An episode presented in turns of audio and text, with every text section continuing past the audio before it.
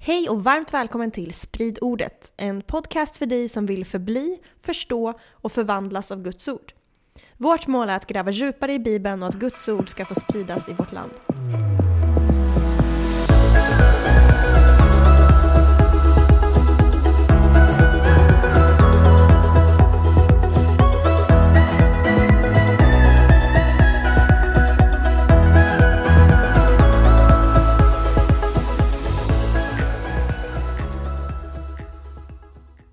Välkommen tillbaka till Spridordet och det är det tredje avsnittet i serien Profetier om Jesus.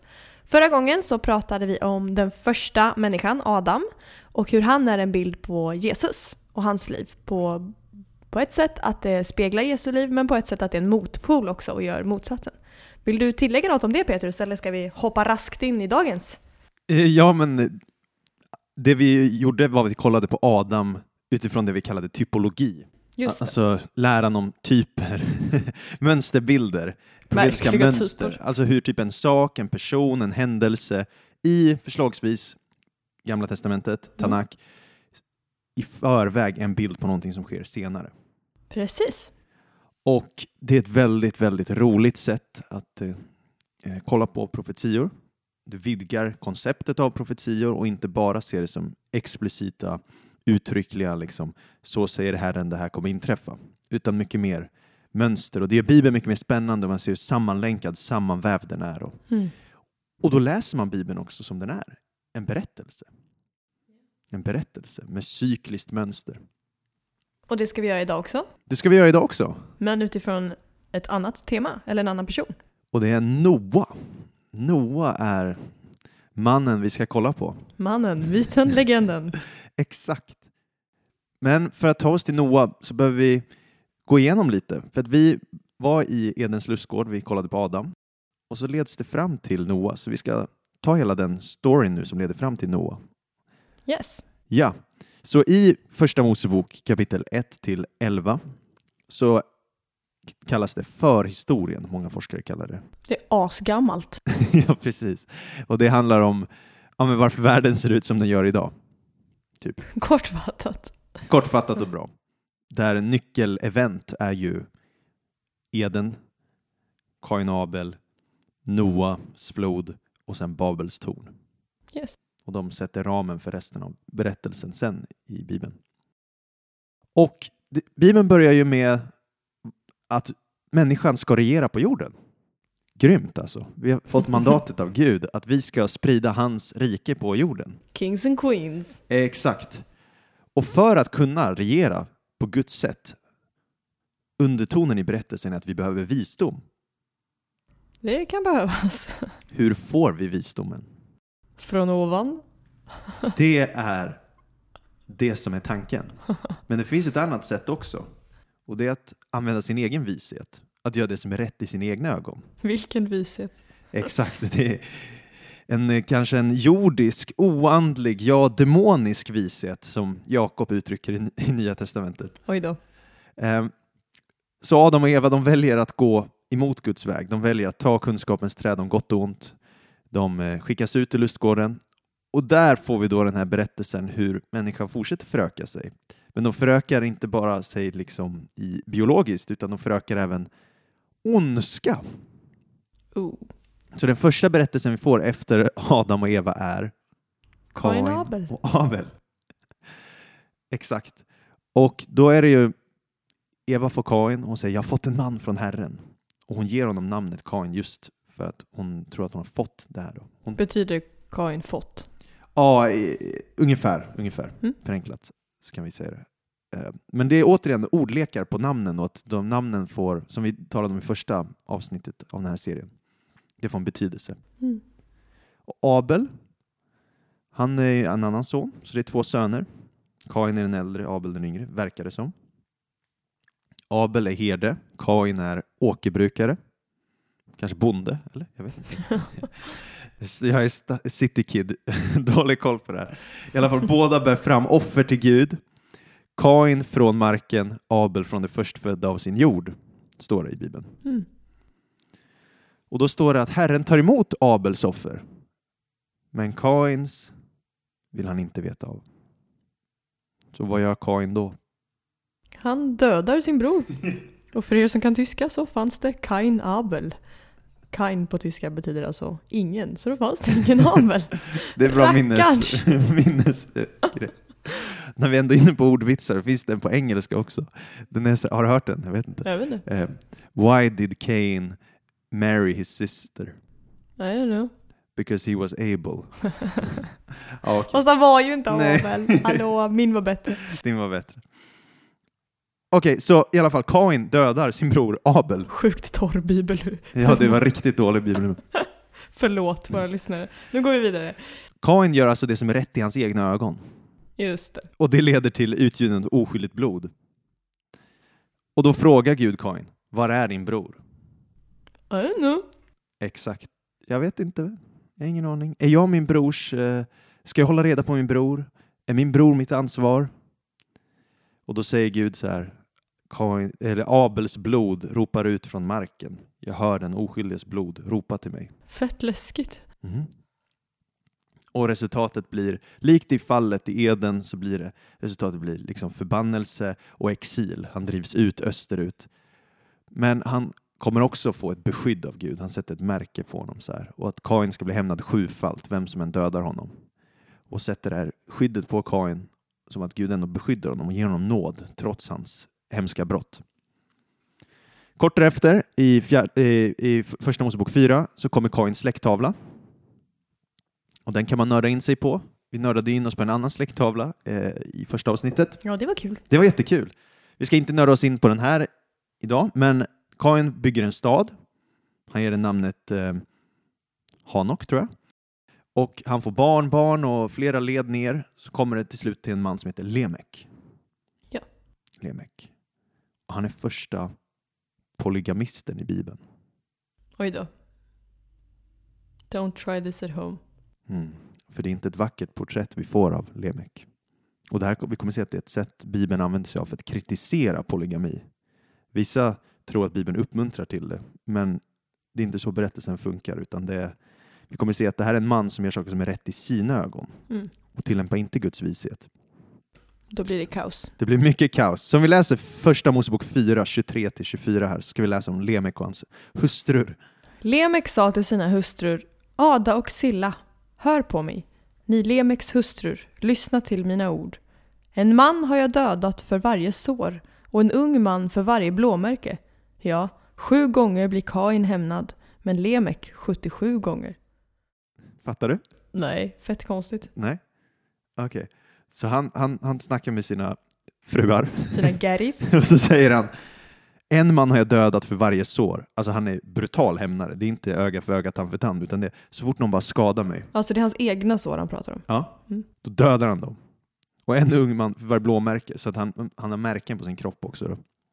Han har bråkat. Och så säger han sju gånger blir Kain hämnad, men Lemek 77 gånger. Han är fett blodtörstig. Exakt. Och i Kains fall, det är som att han missbrukar den välsignelse Kain fick, för Kain var så att Gud skulle skydda honom och Gud skulle hämnas Kain. Men Lemek tar ut hämnden själv. Så han blir en bild på någon som gör det som är rätt i sina egna ögon. Och det leder fram till en stad fylld med massa blod. Ofräscht. Det blir alltså mer ondska, mer våld och värre och värre. Så det här är Bibelns sätt att säga det gick mer utför efter fallet. Liksom efter Eden så blir det bara värre och värre. Och nu är den stora frågan i berättelsen då, vad ska Gud göra med det här? Men innan det blir det ännu värre. Åh nej. För sen i första Mosebok 6 kommer det ner änglar från himlen. Och det här är ju så sjukt knäppt. Och precis som då i Eden-berättelsen så var det en orm, en övernaturlig varelse, typ en kerub, som förleder människorna till synd. Så kommer nu änglar ner från himlen och förleder människorna till synd. Och vad var det för änglar? För man tänker ju på att änglar är goda varelser som sitter och spelar harpa, höll jag på att säga, men som tjänar Gud. Alltså det här är änglar som väljer att göra det som är rätt i sina egna ögon och inte lita på Guds vishet. Kan änglar fortfarande göra det? Eller var det som att de fick ett val då? Ja, änglar verkar vara frivilliga. Skumt. Ja, skumt, scary. Och då kommer vi till första Mosebok här, kapitel 6, vers 5-6. Där Gud summerar lite hur han ser på situationen. Och Herren såg att människornas ondska var stor på jorden och att deras hjärtans alla tankar och avsikter ständigt var alltigenom onda. Då ångrade Herren att han hade gjort människorna på jorden och han var bedrövad i sitt hjärta. Så Gud Sjukt sad. jätteledsen över det tillstånd han ser. Och det är då han säger, nu kommer jag sända floden. Som ett resultat av det här. Så vi läser vers eh, 7-8 också i Första Mosebok 6. Herren sa, människorna som jag har skapat ska jag utrota från jordens yta. Ja, både människor och fyrfotadjur, kräldjur och himlens fåglar. Jag ångrar att jag har gjort dem. Men Noa hade funnit nåd inför Herrens ögon. Fatta vad ledsen Gud låter. Mm, Jag jätteledsen. låter så ledsen över att människan har gått sin egen väg. Och så skulle man kunna komma in på en teologisk diskussion om ångrar Gud sig verkligen? Eller är det bara en, ett, eh, ett sätt för att förmedla känslor till oss så vi människor ska förstå och en berättelse och så vidare. Men det här är i alla fall intro till Noas flod. För du ser hur hemskt det har blivit på jorden. Mm. Det är fullt med våld, fullt med ondska, fullt med Hamas. Hamas, våld, ja. Men innan vi går in på Noas flod och hur den pekar oss till Jesus, så bara kort, kort, kort här. Att vi, Abel är också en profetisk modell på Jesus. Abel och? Kain-berättelsen. Ja, men kommer du ihåg vad Abel hade för yrke? Hede, Just det. Och vad offrade han till Gud? sitt förstfödda. Av sin jord. Av sin jord, alltså inte sitt egna barn. Nej. Av jorden. Alltså jord med H. H-J-O. Ja, precis. Hans får. Förstfödda lammet. Lammet. Oj, han offrar ett lamm. Och Gud tar emot det. Ja. Och det utgjuts blod. Medan hans bror, han tar fram något från åkermarken. Det står inte att det är det första heller, men han tar fram det. Och det förkastas av Gud. Och då eftersom hans offer inte tas emot, då blir Kain avundsjuk och dödar Abel. Okej, så om vi kommer till Nya Testamentet, vad händer då? Jesus kallas Guds lamm. Mm. Han frambär det. Och han blir också dödad av de som försökt bli rättfärdiga genom sina egna gärningar. Ja. De gjorde inte det som eh, Gud hade föreskrivit. För Gud lärde Adam och Eva att det är genom utgjutande av av blod som ni blir eh, täckta. För att Mm. han dödade ju djur och täckte dem i skinn. Yes. Och det är ju det Abel gör också. Medan Kain, lite mer lik sina föräldrar. Hans föräldrar, Adam och Eva, de täckte sig först med fikonlöv. Ja. Något från Fashion. Ja, men precis. Liksom natur, naturen. Och då kommer han med åkergrejer, med grönsaker. Och Gud bara, nej tack. Jag vill ha det här, för att synd är något allvarligt och det behöver blod involveras. För att förmedla det. Så vi ser, det, det blir lite bilder redan här på Jesus. Mm. En herde, för Jesus kallas den gode herden. Han dör, han blir dödad av avundsjuka. Och Jesus blir mördad av avundsjuka. Då Mm. i, i, det står det i evangelierna. Och sen som ett resultat av att Kain dödar Abel, då blir han ju kringflackande och hemlös. Han skickas ut i exil. Och vad hände med judiska folket? De blev ju ockuperade och sen blev de... Hamnade de också i, i exil? Ja. Ja, exakt. Eller men, menar du... Jo. Ja, du menar efter Kristus? Ja, ja, ja. jo precis. Jo, men då... Då blev de utskickade. Romarna skövlade landet där. Det. Först templet 70 och sen till slut år 135 efter Kristus. Och så blev de kringflackande och hemlösa från sitt land Mm. efter att ha förkastat sin Messias. Wow, vilken bild. Redan där? Ja. har vi den mönstret. Och Nya Testamentet säger till i Hebreerbrevet 12.24 att vi har kommit till det nya förbundets medlare Jesus och till det renande blodet som talar starkare än Abels blod. Mm. Så Abel, den första martyren, blir en bild på någonting framöver. Att Jesus kommer identifiera sig med alla de här martyrerna som dött för rättfärdighetens skull, offrat sig och framburit det rätta offret, lammet som Gud vill ha. Mm. Coolt! Verkligen. Wow. Grymt. Ja, men nu ska vi komma till det jag verkligen är exalterad för. Vi ska kolla på Noa, vi ska kolla på floden, vi ska kolla på arken och hur allt det här är profetiska bilder på Jesus.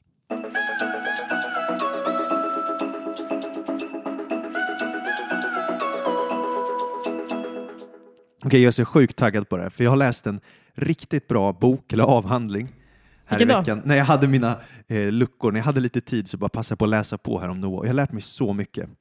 Och boken handlar inte specifikt om Noa, men det har ändrat så mycket jag ser på, på Bibeln, eller förstärkt saker och ser det klarare. Liksom. Och boken heter The Tabernacle Prefigured Cosmic Mountain Ideology in Genesis and Exodus av Michael Morales.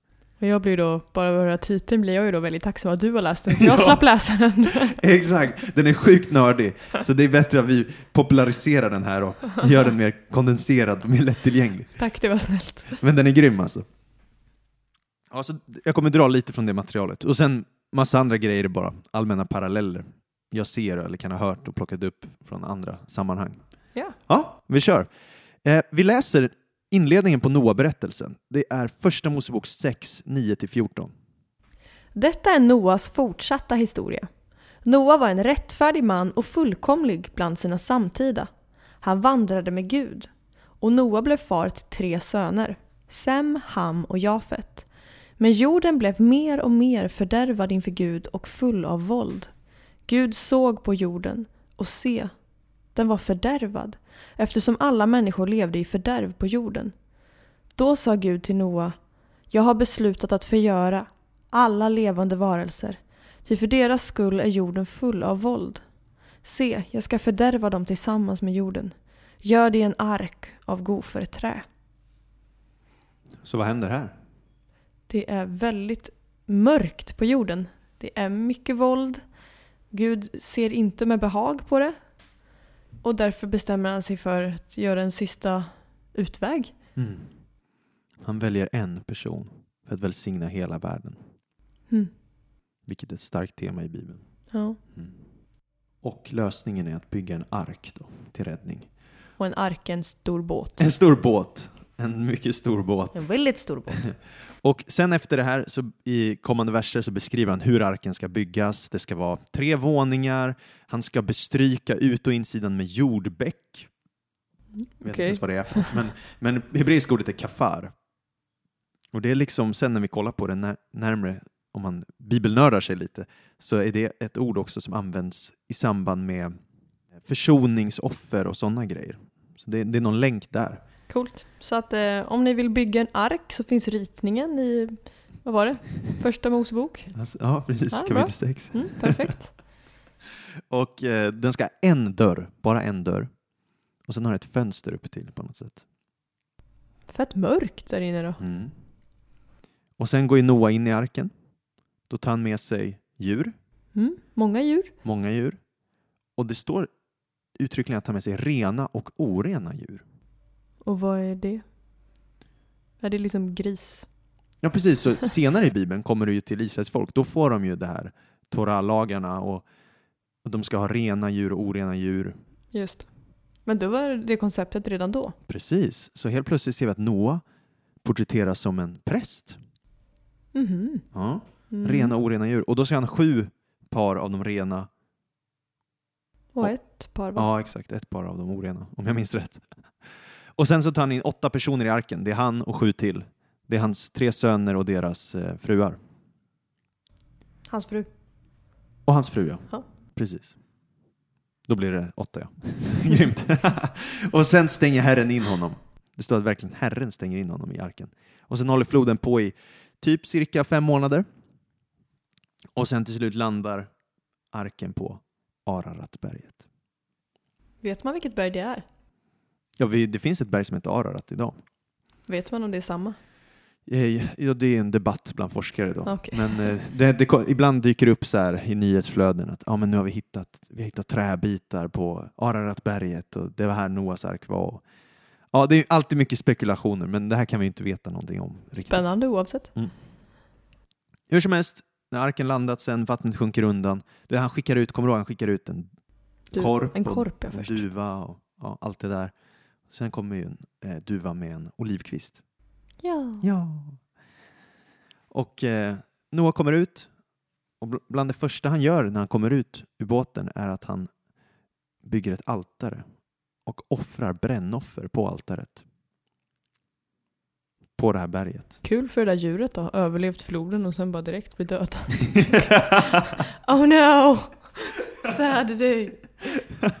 och det här är nästan det viktigaste i hela storyn. Offret. Ja. Och det är det då? vi kommer kolla på.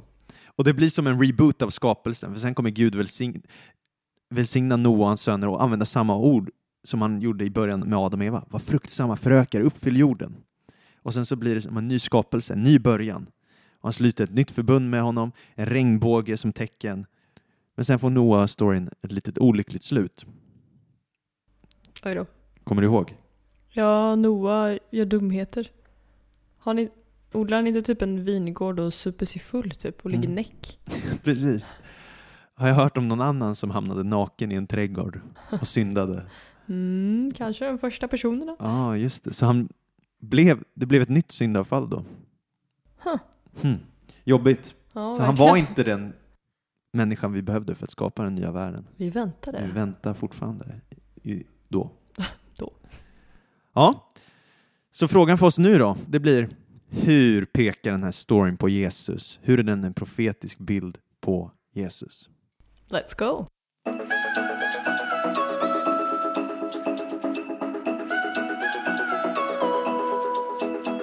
Let's go! För Bibeln handlar ju om Jesus. Det gör den. Tänker du på några paralleller direkt? Ja, alltså du nämnde ju det här hjältetemat. Mm. Att en person som ska rädda hela mänskligheten. Mm. Det är väl kanske det tydligaste. Mm. Verkligen. Exakt så. Så Noa är den första personen i Bibeln som räddar en hel värld som valt ondskan. Och hur räddar han? Genom tro, genom trä och sedan ett offer på ett högt berg. Mm. Låter det bekant? Okej, let's go! Trä. Så förra episoden, då pratade vi om Adam och trädet där och Kristus och trädet där. Mm. Nästa gång i Bibelns berättelse efter Eden ordet trä dyker upp är här. Ets. Arken var ju gjord av ets, av trä. Goferträ till och med. Så redskapet Gud kommer rädda världen genom är genom en utvald person som har funnit nåd i Guds ögon, som är rättfärdig och fläckfri. Och han väljer att i tro ta trä och lyda Gud. Mm. Lyda Gud och i tro göra något med trä som leder till världens frälsning. Vad spännande! Mm. Det låter ju verkligen som Jesus. Verkligen. Eftersom korset var av trä. för att förtydliga för våra lyssnare. Så om vi, om vi bara kollar lite på arken då, som var gjord av trä. Ja. Den blir som en helgedom. Och det här Michael Morales eh, jo, eh, jobb verkligen har hjälpt mig se det ännu klarare. Berätta. För arken blir som ett nytt Eden på något sätt. För det finns jättemycket paralleller med arken och sen Moses tabernakel och sen Salomos tempel. Och alla de är bilder på tillbaks till Eden, tillbaks till eh, paradiset. Det är som mi- mikrokosmos tillbaka in i Guds närvaro. Och det är de strukturerna i Bibeln, alltså arken, tabernaklet och templet, som Gud ger ritningar till människan. Mm. Så arken, den hade tre våningar. Eller hur? Stor båt. Tabernaklet har tre avdelningar. En förgård, det heliga, det allra heligaste. Mm. Och också Edens lustgård fungerar på samma sätt. Eden är som förgården, lustgården i Eden, alltså trädgården i Eden. Eden är ett land. Och sen, ja, exakt. Så det, det där slarvar jag med ibland. Men i, i Bibeln är Eden liksom ett område. Sen är trädgården i Eden. Och sen i mitten av det finns det här trädet, livets träd. Mm. Och samma ord som används för taket på arken, det är mixe på hebreiska. Det används som de djurskinn som täcker tabernaklet. Mm. Så, så det, vi ska se likheten här mellan arken och tabernaklet. Och sen Noa, han gör, det står i Första Mosebok 6.22 att Noa gjorde allt Gud hade befallt honom. Och när det står klart om Moses när han har byggt tabernaklet, då står det typ ordagrant, nästan likadant. Mose gjorde allt som Herren befallt honom. Så det här är verkligen designat för att dra oss kopplingar till att okay, arken är som ett tabernakel. Det är Mm. som en ny väg in i, i liksom Guds närvaro. Häftigt. Jättehäftigt. Verkligen. Och då eftersom det är designat att peka på Eden. I Eden så levde ju Adam fred, i fred med djuren. Just det. och Noa Chilla. är ju i fred med djuren. Ja. Finns det någon mer i Bibeln som har fred med djuren? Eh, you tell me. Så still här. Hmm, har Daniel, Just det, Daniel i lejongropen. Daniel i lejongropen. Så när vi kommer till Daniel sen kommer vi se att han också är en bild på Jesus. Och det är också en spännande i berättelsen om Jona. Mm. Där är också att i slut, sista kapitlet, då är det tydligt att Gud bryr sig om djuren Exakt. som finns i Nineve. Så han vill inte att de ska gå under heller. Verkligen, verkligen. Så Gud bryr sig om sin skapelse. Och när vi kommer till Jesus då. Det är jättespännande i Markus evangeliet, det är bara Markus som plockar upp det här. Så kommer du ihåg att Jesus, han förs av anden efter sitt dop ut i öknen. Mm. Och då står det att han vistas i öknen under 40 dagar och, och nätter va? och frestas av Satan. Mm. Och där står det i Markus 1, eh, 12 och 13, så står det Där levde Jesus bland de vilda djuren var kompisar. och änglarna betjänade honom. Varför tar han med den detaljen, Markus? Kanske för att lyfta på det här. Exakt. För att visa oss att han är en ny Adam, en ny Noa. Någon som har fred med djuren också. Vilken grej. Eller hur? Fett otippat. Jätteotippat. Fast ändå inte. Exakt, som Bibeln är så. har stått i Bibeln hela tiden. Halleluja för Bibeln. Come on alltså. Ja, men paralleller mellan arken och Jesus då. Arkens design uppenbarades i förväg innan den byggdes. Och då, det vi gör i den här serien är att vi kollar på att vi har hela designen, frälsningsvägen, allting på Jesus innan det går i uppfyllelse. Ja.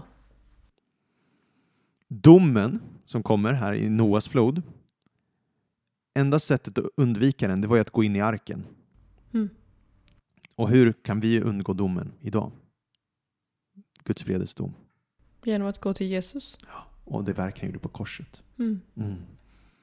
När Noa byggde arken så såg alla de runt omkring det som dårskap. Just det. De bara, "Ha, vad är det här för Han blev dåre? förlöjligad blev han. Precis som Jesus. Wow, korsets budskap är dårskap för världen. Arken var beskydd från Guds vrede. Korset eller Jesus är beskydd från Guds vrede enligt Romarbrevet. Bara de som i tro trodde på Noas budskap gick in i arken. Mm. Och det är bara de som i tro tror på Jesu budskap som litar på hans verk på korset. Mm.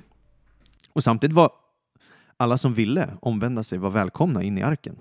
Men ingen ville ju lyssna på Noas budskap. Ja. Det är samma med Jesus. Hmm. Och alla som klev in i arken blev räddade. Förutom det där djuret som blev offrat när de kom fram. Och Jesus säger liknande grej i Johannes evangeliet. Då säger han ju i Johannes 18. Av dem du gett mig fader har jag inte förlorat någon enda. Wow. Och arken har bara en dörr. Noas ark har en dörr enligt första Mosebok 6.16. Mm. Och Jesus sa om sig själv att jag är dörren. Mm. Och han är den enda vägen till Gud. Mm. Till frälsningen. Så det fanns inget annat sätt att ta sig in i arken. Det finns inget annat sätt att ta sig tillbaka till paradiset än genom Jesus. Amen. Och sen så för det här arken då upp folk till berget. Och berget i Bibeln är en symbol på himlen. Mötesplatsen med himmel och jord, paradiset. Och det är ju bara Jesus som förs tillbaks till himmelriket. Mm. Är det coolt eller? Det är väldigt ballt alltså. Halleluja. Vill du ta mer? Kör.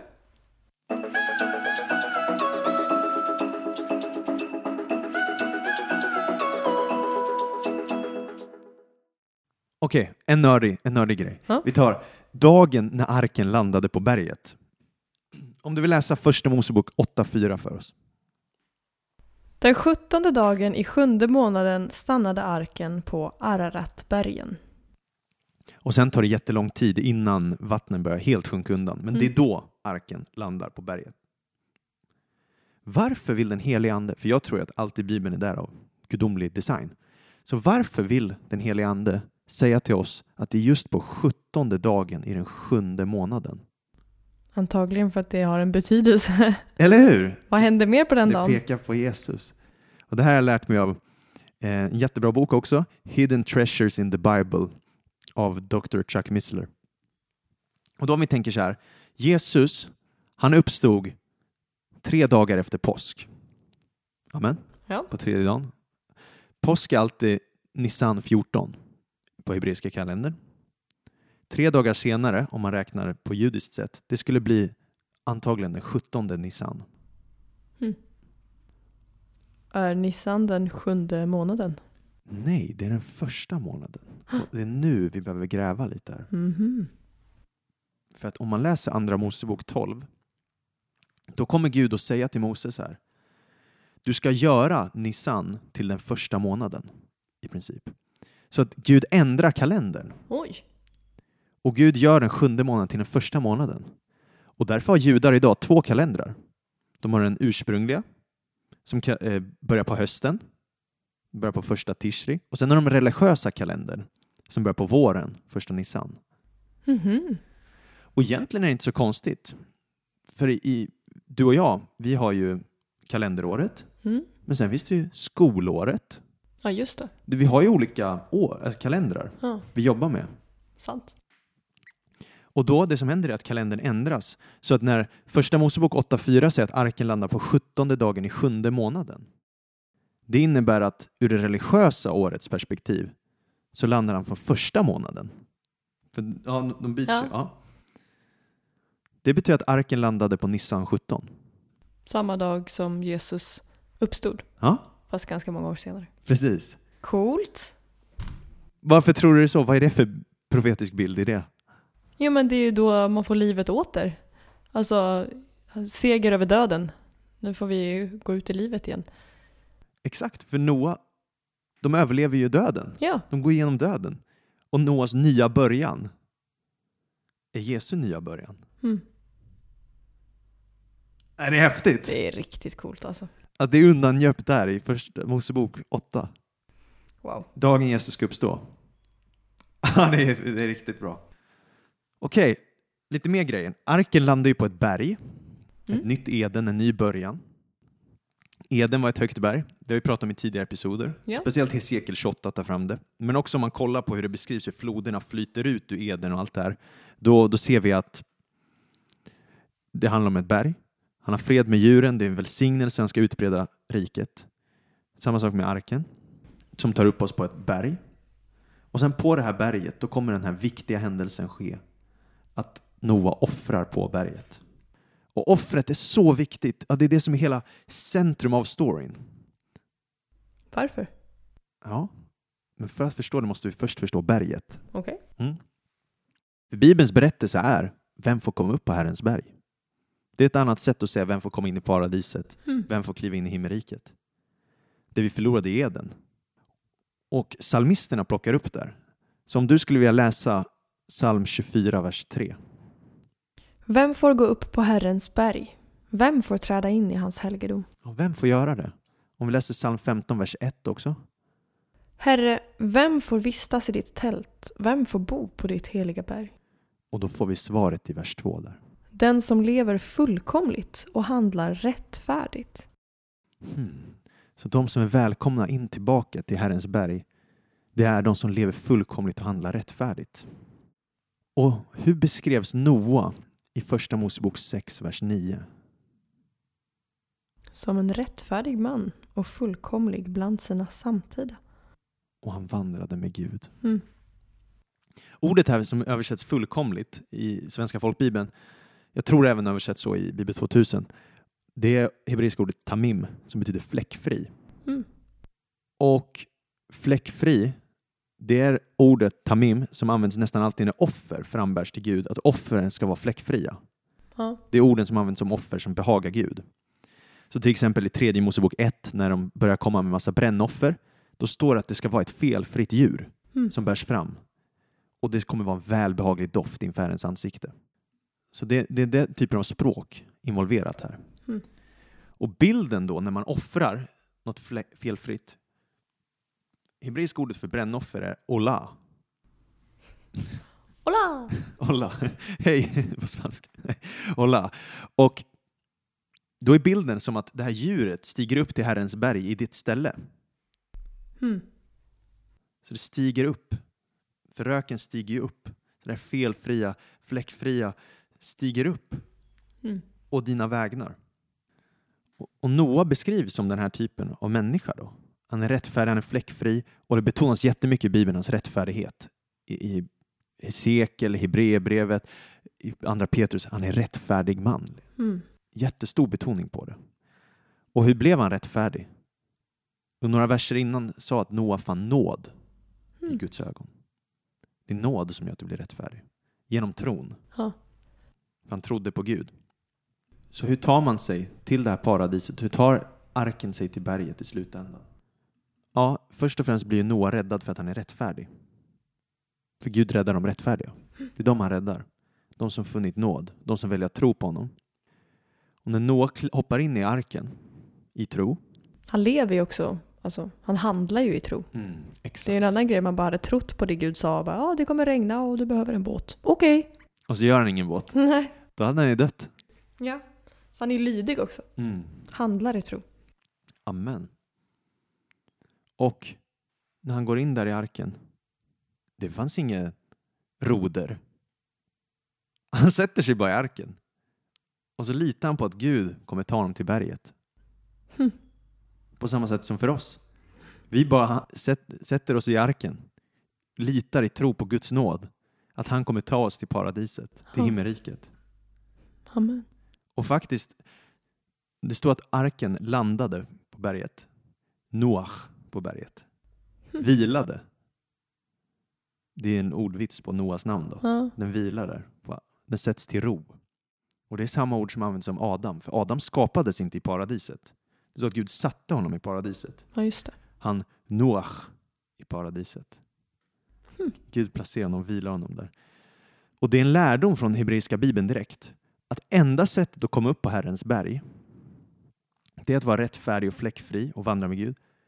Men i slutändan är det Gud som sätter dig där. Mm. Och det är Gud som ger dig rättfärdigheten och gåva. Allt är en gåva.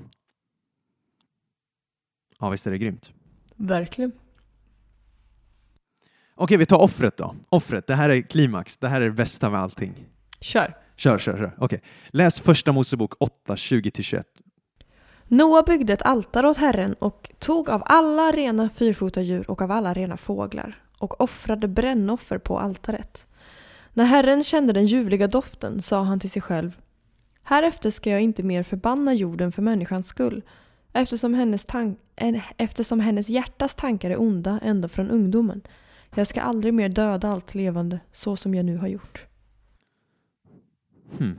Så Gud bestämmer sig för att inte utplåna jorden och mer när han känner doften från offret. Mm. Så det var inte nog med floden. Nej. Floden stillade inte Guds vrede på synden. Hmm.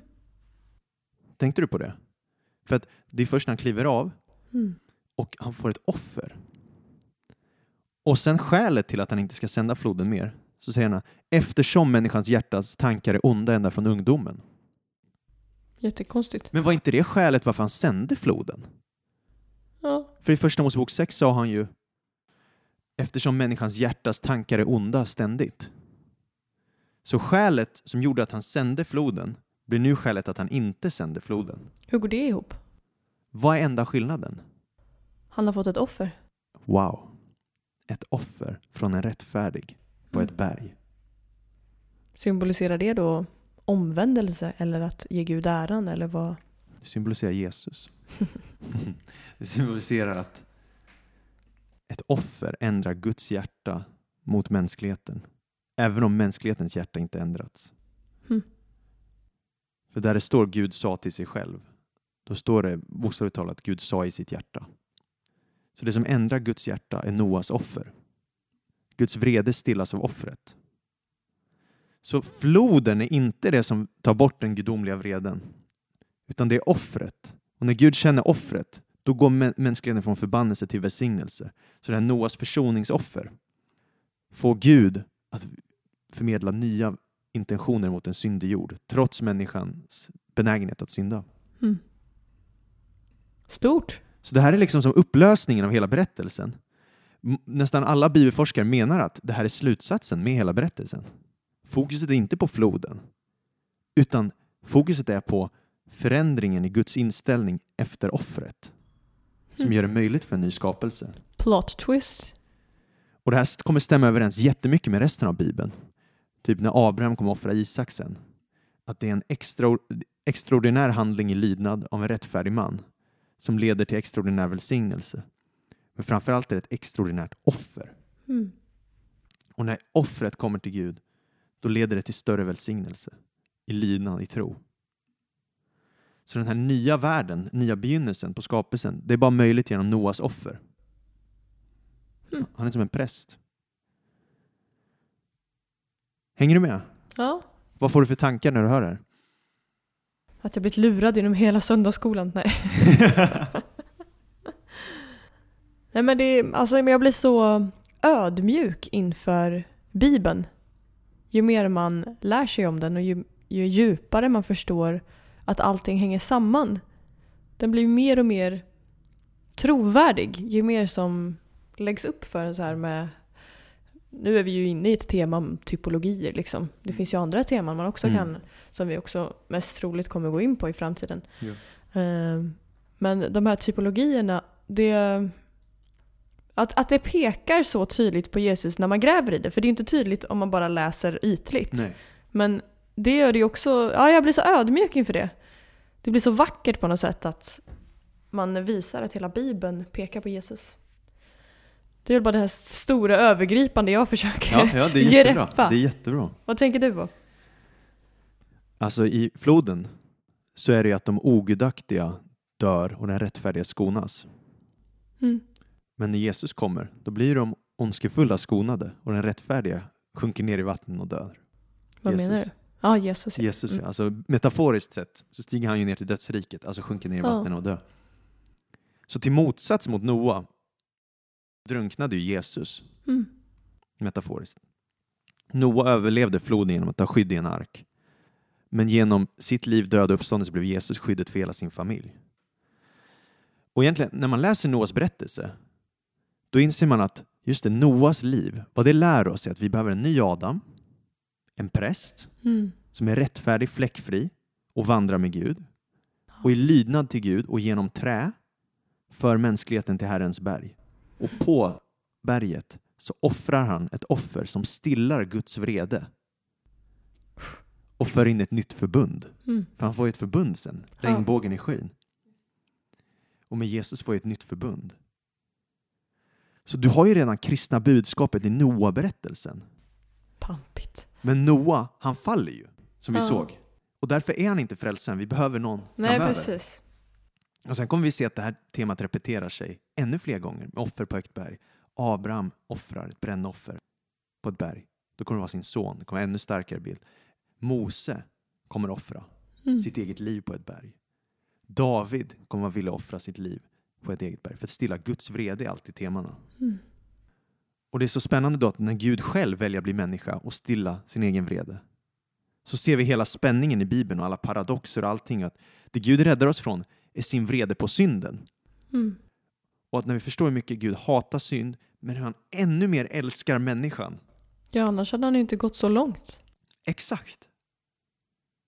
Vilken kärlek Ja. och vilket budskap.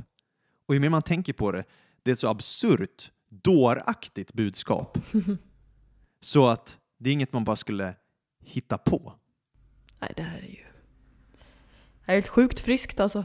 Och då, är- när vi kommer till Nya Testamentet, då säger ju Bibeln att som det var i Noas dagar kommer det vara vid Människosonens dagar. Alltså när han återkommer, när Jesus kommer tillbaks. Mm. Att i de sista dagarna kommer människor håna och säga att ah, men Jesus kommer inte komma tillbaks. Hur går det med hans löfte? Folk, det har varit så här ända sedan världen blev till.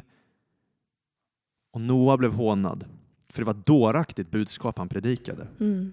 Det här budskapet du och jag predikar, eller lär ut nu, det är dåraktigt. Mm. Människor förstår sig inte på det.